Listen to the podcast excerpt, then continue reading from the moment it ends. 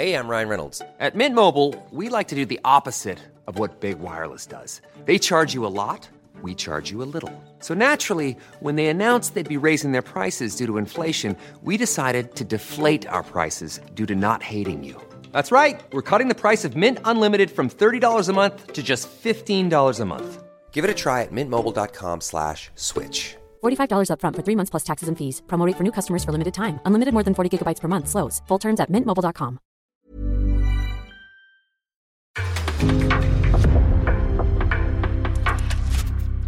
En podcast från Aftonbladet. Högt i tak men tjocka väggar har varit ett talesätt i toppen av svensk hockey. Vi har nu stängt in tre stora ishockeyprofiler i det där säkra rummet. Men skillnaden nu är att mikrofonerna är på. Medverkar gör Nils Andersson. Jag, jag brukar förklara det som att det är 95% ren och skär ångest och press. Och sen är det 5% som är helt enorma och du aldrig, jag kommer aldrig hitta något mer i livet liksom. Jonathan Hedström. Så var docka, hängde på E4 på vägen upp till, till ishallen. Morsan var och plockade ner. Min bror blev nedslagen på krogen på grund av mitt val. Oskar Alsenfelt. Jag är helt neutraliserad typ i mitt hockeyspelande just nu. Alltså jag är inte ens glad när det går bra. Och jag är typ inte ledsen när det går dåligt. Så att jag vill, jag vill liksom inte sluta spela. Men jag står inte och garvar när jag står i mål. Här är deras berättelser om svensk ishockey. I det som aldrig blivit sagt. Världens bästa jobb att vara elitidrottare och ishockeyspelare. Inte sant? Ja. Eh, det är ju som sagt, det är både och. Med, jag kan tycka att de åren när, när jag mådde bra så var det ju fantastiskt. Men många år när jag inte mådde bra. Och det handlar inte bara om ätstörningar. Men det är mycket. Det är inte alltid så glamoröst om vi säger så. Det är fantastiskt. Vi tjänar bra pengar men du har också det där. eh, du har ett ansvar på hur man beter sig. Och också mot de yngre. Eh, sen är du utsatt också ganska mycket i, i media. Eh, jag menar hur gång, många gånger man var på ICA Maxi Sundsvall. Man har blivit utskälld av någon 70-årig gubbe för att man har varit katastrof på matchen. Det är ju inte alltid så roligt när du har barnen med dig.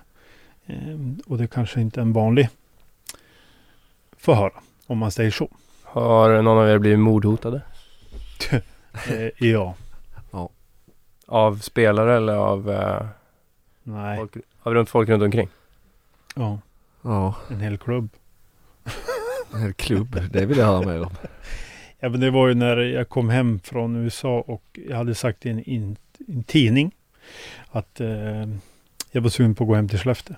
Men i och med att jag gick tillbaka till Timrå så vart det ett jävla liv alltså.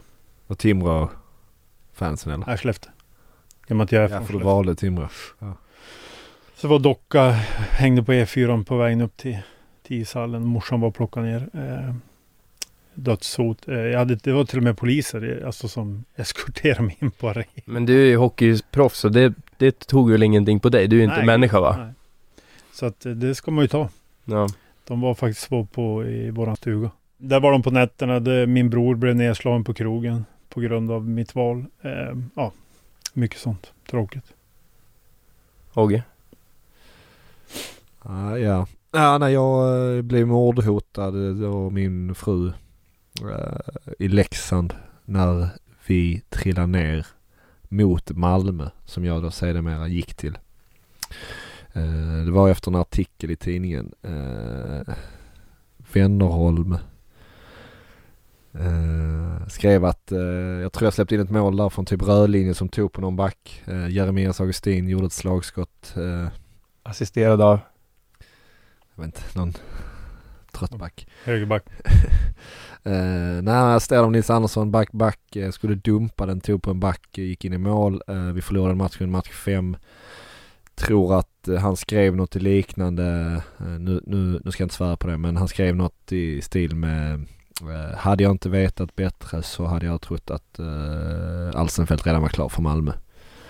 Uh, och efter det, ja, inför match 6 där, uh, så ja, fick vi lite brev och in i brevlådan liksom hemma. Eh, och det är lite jobbigt ju när folk som skriver sånt vet var man bor. Mm. Eh, I Modo var det ju några gubbar där liksom. Jag kommer ihåg det var, där var jag i kass någon match och så, alltså jävla idiot där kom, kom, vad heter det? Kommunikationschefen slängde ut mig på sån här eh, typ intervjufrågor i lobbyn, i, alltså på Fjällräven. Efter matchen, jag släppte in någon tabbe och vi förlorade med typ så 5-3 eller vad det var. Så satt jag där på en sån barstol och så var det en massa publik runt som skulle ställa frågor. Och det var bara frågor typ som eh, när fan ska du lämna och eh, Mm. varför är du så dålig och no- de skrek och de kastade grejer. Någon även kastade snus och sånt liksom. Eh, jag tror bara jag satt tyst och tittade på dem. Eh, nej men jag var sårbar och ledsen där liksom. Ja. En sak som jag har försökt ta mig ur under mina första, ja, tills jag var 25 egentligen, jag kunde börja hantera det. Och det var att jag inte var ett med min prestation. Alltså mitt värde som människa var ett lika med tecken med hur jag presterade som hockeyspelare. Ja jag kan känna igen. Ja, verkligen. Och, och det gjorde att jag kunde vara här uppe och må hur bra som helst. Och jag kunde vara här nere och känna mig totalt värdelös. Mm. Och det var bara kopplat till, du kunde gå in och kolla på senaste tio matcherna i min statistik. Hur mycket jag hade spelat som avgjorde hur jag mådde i de där Då situationerna. var det inte ens prestationen, då var det resultatet. Ja, det var resultatet, ja. Det är nästan, ja exakt, det är resultatet. Ehm, som avgjorde det där och det, när, när det, den, den liksom pressen i att vad jag gör nästa match eller nästa träningen eller hur mycket tränaren tycker om mig så jag får spela så jag kan få det resultat. Att den var så förknippad med vem jag var gjorde ju att hur mitt, mitt, mitt, mitt mentala välmående var ju väldigt skört. Mm. Även om jag ser mig själv som en trygg och stark person så var det liksom en berg och dalbana som Mm. jag jobbade aktivt med. Alltså jag liksom mentala coacher och eh, läste själv och såg dokumentärer och jobbade med aktivt. Men fortfarande så tog det många, många år innan jag kunde hantera det på ett okej sätt. Det var aldrig bra, men jag, jag kunde aldrig riktigt hantera det där för att det var en sån enorm press. Ja, men det, och det är väl därför också alkoholen kom in i bilden. Det, det vet vi ju jättemånga som har problem med det. Eller problem, men ja, många som har trillat dit. Men där kan jag ju bara ta mig själv. Eh, som du säger, med prestationen. Ja, gjorde, gjorde man ett mål eller ett ass så var man ju... Sen kunde man ju torska matchen, då var man ju inte glad. Men vann man och gjorde poäng, då var ju livet... Alltså det fanns ju inget bättre. Och tvärtom, som du säger. Jag föll också ganska långt. Jag har alltid varit en väldigt grubblande person. Och där kom ju alkoholen in. I alla fall tyckte jag. Jag tyckte det var skönt att ta en bira. Och som så här, phew, då kom man ner i varv på något vänster. Man tänkte inte lika mycket. I mitten eller? Ja, men sen kommer det, tycker jag, för mig dagen efter istället. För det är också ett sätt att fly. Ehm, Och där vet vi ju, kan vi gå tillbaka till 60-talet, hur många som inte har haft problem med alkohol som har spelat hockey. Det är ju hur många som helst. Mm. Tyvärr. Nej, för att samma sätt som du säger att man är här nere. Den kicken som det är att vara där uppe. Det var ju därför man Alltså det var därför man Eller det var en, det var ju, det är ju det jag saknar nästan mest. Du känner dig ju aldrig så pass ehm, High on life. High on life. Nej, Nej. Det, det, är, det är som en drog alltså. Du, Och hur får vi tillbaka det Nils? nej det går ju inte. Nej. Det går inte. Jag har ju fan Ja, längtat nu i fem år. Sex år. Mm. Så här, hur ska jag få kick? Det går inte. Nej, nej och eh, jo det, det finns ju genvägar som Ja. inte är hållbara i längden. Men vadå alltså, den kicken är väl baserad på typ stolthet över vad man har gjort och vem man är. Mm. Kan man inte vara stolt över något annat? Jo, Fast Ja, du får inte den absolut. kicken eller? Nej, men Så exakt. berätta ni för mig, jag spelar ju hockey. Typ om jag går in och föreläs. Jag var hemma för 500 personer. Då hade jag en... Det var en jättehärlig kick. Men ändå inte samma kick som, som Nils berättade om. Här. on life efter du gjort Nej. 1 plus 1 och ni vunnit. Inte på samma sätt. Jag vet inte. Men jag tänkte så här. Jag, jag var och sprang Stockholm halvmaran. Tänkte så här. Gud så härligt. Du att få en kick och gå i mål och tävla mot folk. Det var ju bara förbannat. Alla som sprang om mig. Ja. Det kan jag definitivt relatera Eh, Så att jag tror någonstans sök. Och där är också farligt. Att man då istället kanske hamnar i alkohol eller droger eller sexberoende eller spelberoende eller vad det, Och det är, Ja, mm. det är den här kortsiktiga kicken, högt och lågt, högt och lågt. Och det blir som att man är i det där hjulet och sånt. Det mest sunda och det som man måste komma tillbaka till och jag försöker hitta, det är någon typ av långsiktig hållbarhet som ger mig den här jämnare Mm. lyckokänslan över tid. Som gör att jag kommer att vara mycket mer hållbar och, och ha mycket bättre, sundare relation till allt det här över tid. För jag ser ju när jag tittar tillbaka, det var inte hållbart för att utan de extrema topparna eh, så hade ju inte de extrema bottnarna funnits heller. Och det är ju, jag byter ju hellre lite av de där topparna mot de där Mm. Eh, bottnarna. Om ni förstår vad jag menar? Jag jämnar ut kurvan lite grann. Sen är ju barnen självklart någonting som man, jag ska inte säga få kick med, men alltså som man mår väldigt bra när man ser att barnen mår bra. Mm. Alltså där kan jag väl känna, alltså tiden man har haft med barnen när man slutar. Det tycker jag var extremt värdefullt. För man har ju, man är ju borta mycket. Alltså trots man är mycket hemma också. Mm. Men det kan jag tycka, ibland tar det ju över också. Alltså en matchdag, ni vet hur det var. Det var ju som med värmning, sen vilar man. Sen, alltså det är som fokus, hade jag i alla fall. Mm. Mm, så att det är ju fantastiskt skönt nu när man är mer närvarande. Men vad, förstår du vad vi pratar om? Eller sitter du och... Ja nej, absolut. Jag, eh, jag vet inte, jag, jag, jag, jag blir, alltså jag tror jag, jag tror jag har, eh, vad säger man? Eh, vuxit upp? nej, nej det har jag definitivt inte. Men alltså typ, alltså vad säger jag, eh, jag är inte, eh, jag är helt neutraliserad typ i mitt eh, hockeyspelande just nu. Alltså jag är inte ens glad när det går bra och jag är typ inte ledsen när det går dåligt. Eh, för att jag har märkt det att som hockeymålvakt, jag ska säga målvakt för att det, det skiljer sig en del från utspelare för att du behöver till viss mängd vara lite kreativ som utespelare och du har en roll som är lite annorlunda. Så målvakt handlar det egentligen om att och var vara sjukt fokuserad och vara i nuet hela tiden och följa din plan och aldrig, aldrig, aldrig låta det negativa eller den mentala eh, självsnacket eh, påverka dig eh, rent prestationsmässigt. Och det har gjort att över tid så att för att kunna hantera ett insläppt mål eller en dålig match så måste man vara neutral till det. Säg det krasst. Jag kan aldrig bli ta- jag kan liksom aldrig tagga upp mig med någon jävla hårdrock som folk gör för att eh, för man ska liksom pumpa upp sig innan match och tackla för utan jag som målvakt ska hela tiden bara vara balanserad. Jag ska vara aggressiv i mitt spel men jag ska inte vara för aggressiv. Jag ska liksom vara lugn, jag ska inge trygghet sådär.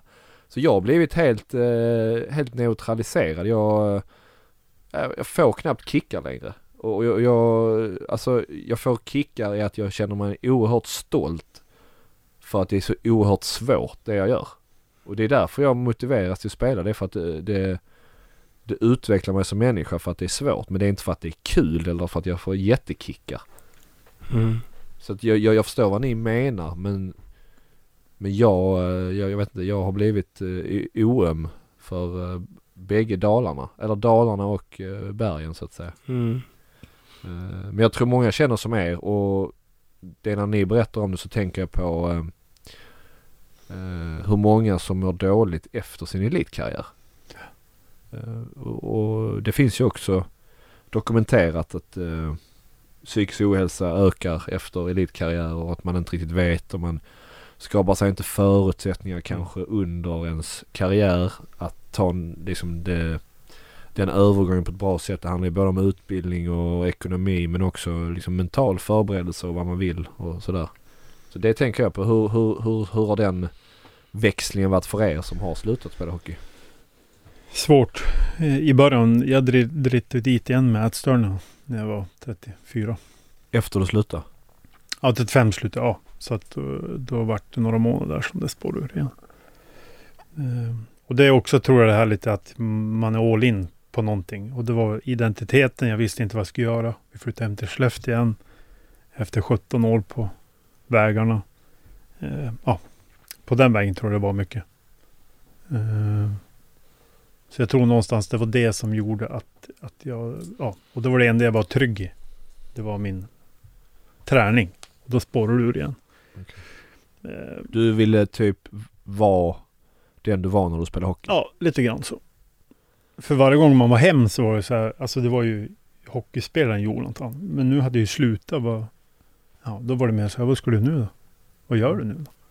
Ja, Jag vet inte. Alltså. Och där återigen, det är min självkänsla. Jag, som sagt, jag har jobbat stenhårt sex år med en psykolog nu.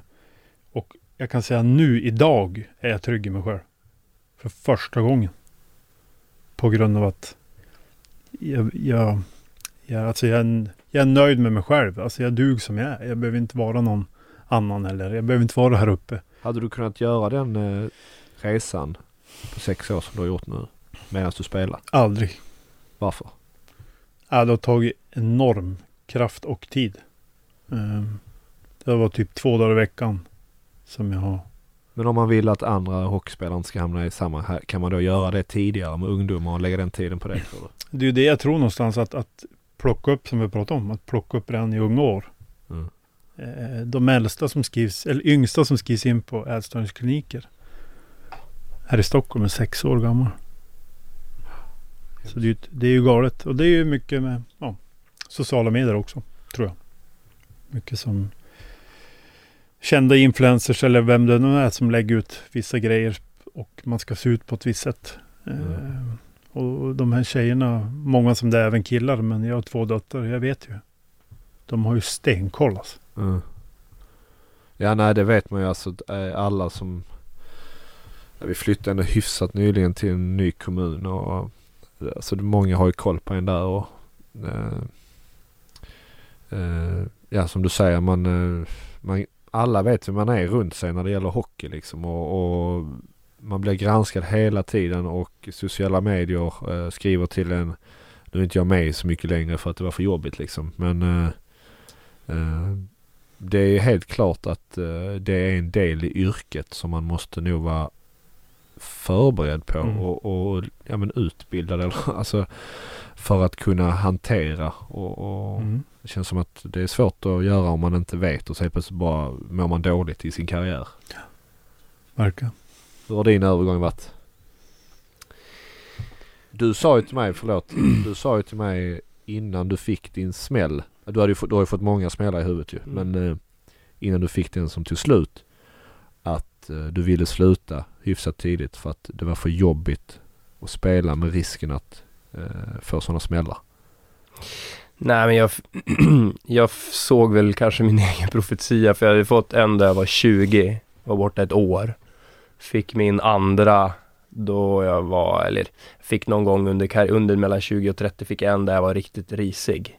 Och sen så var det ju som att så här, jag, jag, jag tänkte att eh, jag har inte många smällar i mig så jag hann ju hinna tänka, ska jag sluta innan jag får en smäll som gör att jag får den här kroniska huvudvärken?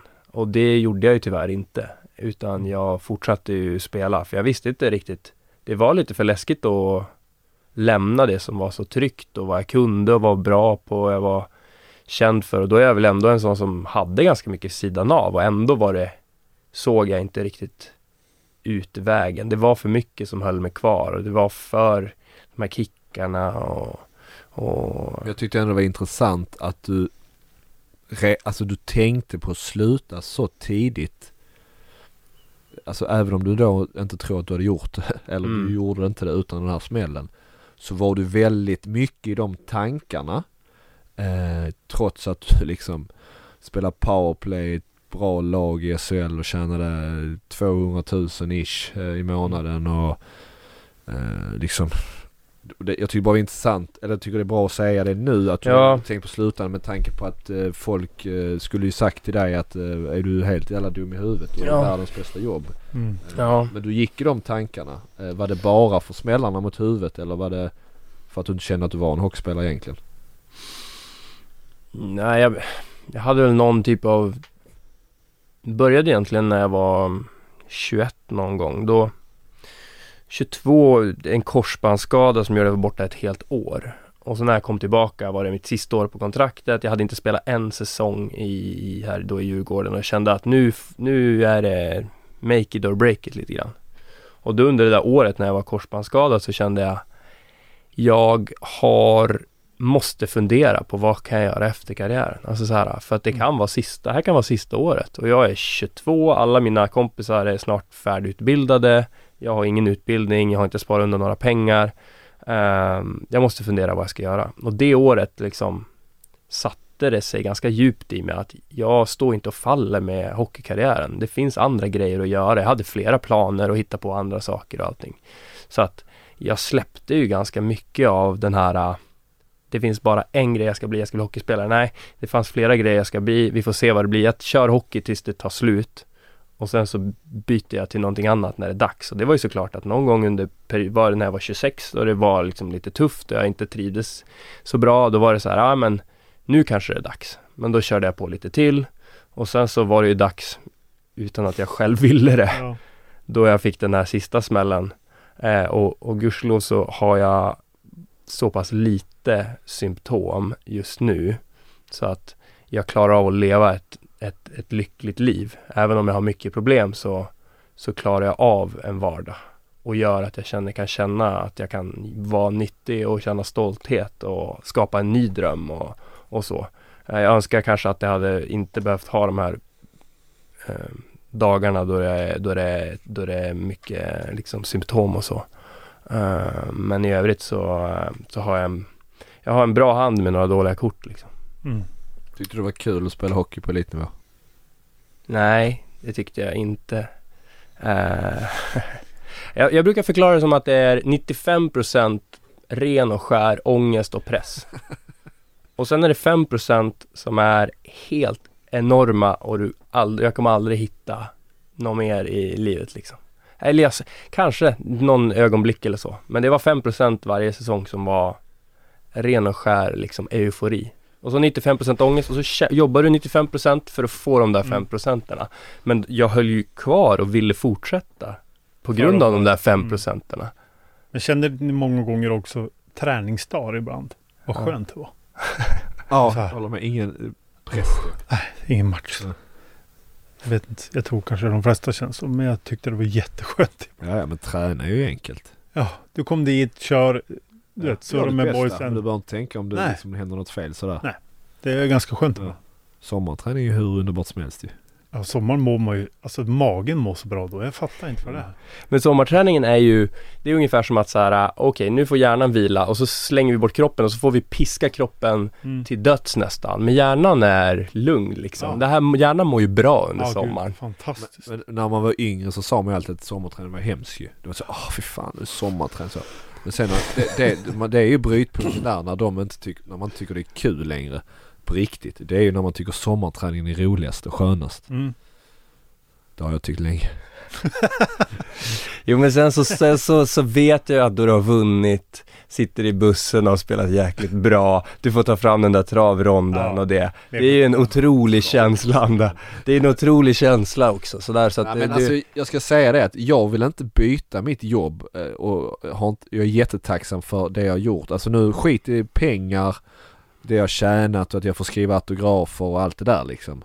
Men det som gör mig tacksam och gör att jag faktiskt vill spela hockey och att jag vill prestera det är för att det är svårt och jag blir oerhört stolt när jag liksom liksom höjer mig med den uppgiften och liksom klarar av det och tar mig igenom tuffa perioder och det gör mig stark och lycklig och det är något som jag kommer med med hela mitt liv. Mm. Så att jag vill, jag vill liksom inte sluta spela men jag står inte och garvar när jag står i mål. Det där, det där tycker jag förklarar det väldigt bra. Jag kände en jäkla stolthet. Och jag kan ibland önska att jag tog lite beslut som istället prioriterade kul och eh, vad jag mådde bra som människa Nils än vad som hockeyspelaren Nils skulle må bäst av. Man valde någon klubb för att man fick kanske lite mer speltid eller några tusen lappar till. Mm. Mot att jag hade någon typ av trygghet eller livet utanför var mycket bättre. Mm. Alltså så här, jag valde hela tiden, jag satte alltid Nils hockeyspelaren i första, andra och tredje hand och sen kom mm. människan som fyra. Mm. Önskar att jag valde kanske människan lite tidigare. Eh, Verkligen. I, I, situationer. För man mm. gjorde allt. Alltså jag träffa liksom, man träffar inte folk på, man träffar inte sin familj på jul. Man eh, hade ingen kontakt med sina vänner i Stockholm. Man hade en ledig söndag och då var man helt slutkörd i månaden och det är klart man inte sitter sig på en bil upp till Stockholm för att ta en fika med polare där. Nej. Nej. då låste man in sig i mörkt i rummet liksom och såg en Netflix-dokumentär. Och sen gick det fem år och man inte pratat med sin bästa barndomsvän eller träffat honom liksom. För att mm. det var det bästa för hockeyspelaren Nils. Men i längden så här, det gjorde ju att det slutade ju vara lite glädje och lite kul. Det tog ut döden. Så jag tror att hade jag gjort om någonting hade jag prioriterat mig som människa lite mer. Om- Om jag skulle varit en snickare som jobbade 45-40 timmar i veckan. Mm. Vad, tro, alltså, vad, vad tror du han hade sagt när vi sitter här och pratar om det? Jag hade ju stängt av för länge sedan. Nej. Ja, nej han skulle byta. Vilken jävla idiot Ja, alltså. Ja. absolut. Och det är många som har sagt då. Fan gnäll då. Alltså, pröva jobba 7-4. Mm. Mm. Ja, det har jag sagt flera gånger. Jag förstår vad du menar. Men ta det, det sociala, eller inte sociala, det, vad kallas det? Eh, han kan gå hem, han kan åka upp till fjällen och vara klappkanon om han vill. Det kan inte jag. Nej. Alltså det, så det finns ju en upp och nedsida av allt. Ja såklart. Nej men det är klart att tjäna pengar som vi har gjort för att vi kom upp på den nivån. Eh, det är ju få förunnat och jättetacksamt liksom. Men eh, man gör ju inte det över jättelång tid. Nej. Du utbildar dig ju fan i 20 år ju för att bli Mm. så bra. Så. Ja, och du offrar lite av din, din, din, du offrar av din kropp, jag med hjärnskakningarna och eh, Ju- eh, Jonte med, med, med psyket. Man offrar ganska mycket. Det finns en baksida av myntet som inte alltid lyfts upp och när man då liksom hör pappor vela att sina, den absolut största drömmen som papporna har är deras eh, barn ska bli hockeyproffs till vilket pris som helst. Mm. Till, till liksom eh, finansiella och psykiska uppoffringar och allting. Så, så är det så här, ja, om det, det, det, det, det är ett pris att vara där uppe också. Du kommer att behöva offra väldigt mycket om du inte gör det här på rätt sätt och är sund i, i hela resan och så här. Den, det är väl den bilden vi försöker lyfta här, inte sitta här och gnälla på hur dåligt det har varit eller hur tufft Nej. man har varit, utan Nej, det är ju, det är ju den, den, att det finns en baksida och man offrar någonting mot att få vara där uppe eller vad man ska Jag säga. kan lägga till eh, eh, två höftoperationer och eh, eh, nästan ett beroende av diklofenac Mm. i den ekvationen. Eh, Jag spelade med Kristoffer Berglund och han sa att jag bara längtar tills jag vaknar upp utan att ha full smärta i hela kroppen. Alltså jag, han, han längtar bara liksom Mm. tills att han det får gå några år efter karriären så att han kan kliva ut ur sängen utan att ha ont överallt. Mm. Liksom. ja, nej men det gör ju ont att spela. Speciellt när man blir 34. Ja, det är inte sunt i elitidrott Nej. Jag generellt. undrar, hur, hur känns din kropp nu liksom? Hur gammal är du nu? 44 fyller jag. Fan vad shit. 10 år äldre? Ja, knät, axel, handleder. Eh, Alltså så ont så att det verkar varje dag eller? Ja. Det gör det. Blir det värre? Ja, men jag försöker vara duktig på att hålla igång. Men sunt. Inte att jag spår ur. Nej. Ehm, och jag tror någonstans där också. Att försöka som... Ja. Jag, man är inte återigen 30 år eller Nej. 25. Utan försöka vara klok. Så tror jag. Jag, jag kan... Jag har turen. Jag har klarat huvudet. Så jag Mm. kan... Ja det är ju, ja. Jag har det omvända. Jag, min kropp har aldrig känts bättre än nå- någonsin som nu. Jag har inte ont speciellt någonstans förutom min, mitt huvud då. Mm. Eh, I övrigt så är jag liksom första gången som jag inte har liksom höftont eller liksom fötter och knän och sådär. Och, så att jag, Ryggen då? Har inte du rätt sned rygg? eh, jo, otrolig liksom skolios och sned men inget som gör ont eh, än i alla fall utan det ser bara fult ut. Eh, så, så, men det är väl om man, om man tar den där trappan med eh, aporna där liksom och när vi blir liksom m- människor ja. så är jag väldigt tidigt på den trappan fortfarande liksom. Väldigt, jag, har inte, jag har fortfarande kvar innan jag kan klättra fram till de där sista stegen. Det är någonstans mellan ett och två där i min hållning. Du har inte levt innan utan du föddes på nytt. Jag föddes på nytt, ja.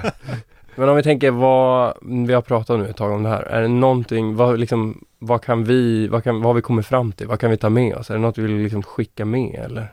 Nej men alltså det är en, en ynnest att få uh, underhålla och liksom ge glädje till så många människor som faktiskt brinner för en idrott som, som hockey. Och, uh, alltså jag blir väldigt glad varje gång jag får ett sms där någon vill att jag ska skicka en grattishälsning till en tioåring som fyller år eller eh, eller jag får skriva autograf. Alltså jag, för jag, jag blir så, jag blir så, jag blir glad över att man ger andra glädje. Mm. Och jag är glad över att jag har utvecklats och sporten har gett mig eh, eller format mig till människa som jag tycker om. Det är helt fantastiskt och det är ju, verkar ju inte många göra. Eh, Men eh, allt det där andra som folk tror är bra med att vara elitidrottare. Det stämmer inte. Det är liksom inte glassigt att spela hockey. Det är, Det är hårt tufft jobb. och svårt. Sen kan vi väl skicka med att, att kanske papper, framförallt papper, att de kanske tar, chillar lite grann. Mm, låt, låt barnen, se barnen. Låt dem stötta absolut, men inte pusha alldeles för mycket. Mm. Sätta barnen först. Eh, Inte dem. Och inte leva ut sina egna drömmar. Utan Yes. ställa sig frågan vad vill barnen? Och vill de bli hockeyspelare och göra alla uppoffringar för att få det här äh, den, liksom, den positiva delen så var med och stötta och ställ dig bakom det och, och liksom Mm. var där för dem. Men dra dem aldrig dit. Nej. Utan liksom Mm. ställ dig bakom, inte framför.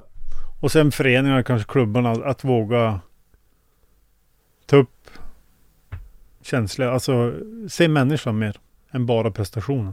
För att som du säger, man blir extremt bra på dölja saker. Mm. Som vi har pratat om idag. Eh, jag tror det. Att säga, fan hur mår du? Hur mår du idag? Mår din tjej bra? Mår barnen bra? Jag tror ibland någonstans där också att då skulle nog många bli bättre också. Att bli sedd som människa också. Inte bara prestation. Jag håller med. Sätta människan först och inte hockeyspelaren. Nej. Genuint bry dig om människan under hjälmen och inte kanske vad den här spelaren kan göra för mig. Mm. Eh, eller vad den här medspelaren kan göra för mig i nästa byte. Utan hur kan jag stötta den här vännen, kompisen, Mm. nästa kille liksom för att vi ska skapa någon typ av långsiktig förändring. Eh, Kom, eh, kom vi fram till något vettigt eller har vi bara suttit här och, och gissat eller? Mycket vettigt. Ja. Tycker jag. Ja. ja men jag inte säger det så. Ja men då tycker jag det är bra läge att avsluta och wrappa upp den här snacket. Tack för att ni har lyssnat och ehm, vi ses och hörs. Hej.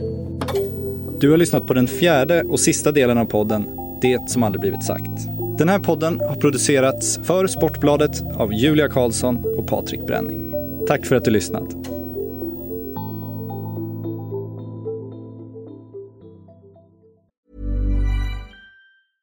Ryan Reynolds here from Mint Mobile. With the price of just about everything going up during inflation, we thought we'd bring our prices down.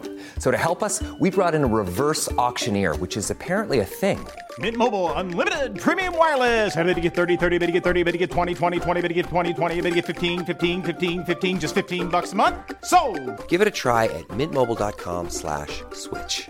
$45 upfront for three months plus taxes and fees. Promo rate for new customers for limited time. Unlimited more than 40 gigabytes per month. Slows. Full terms at mintmobile.com.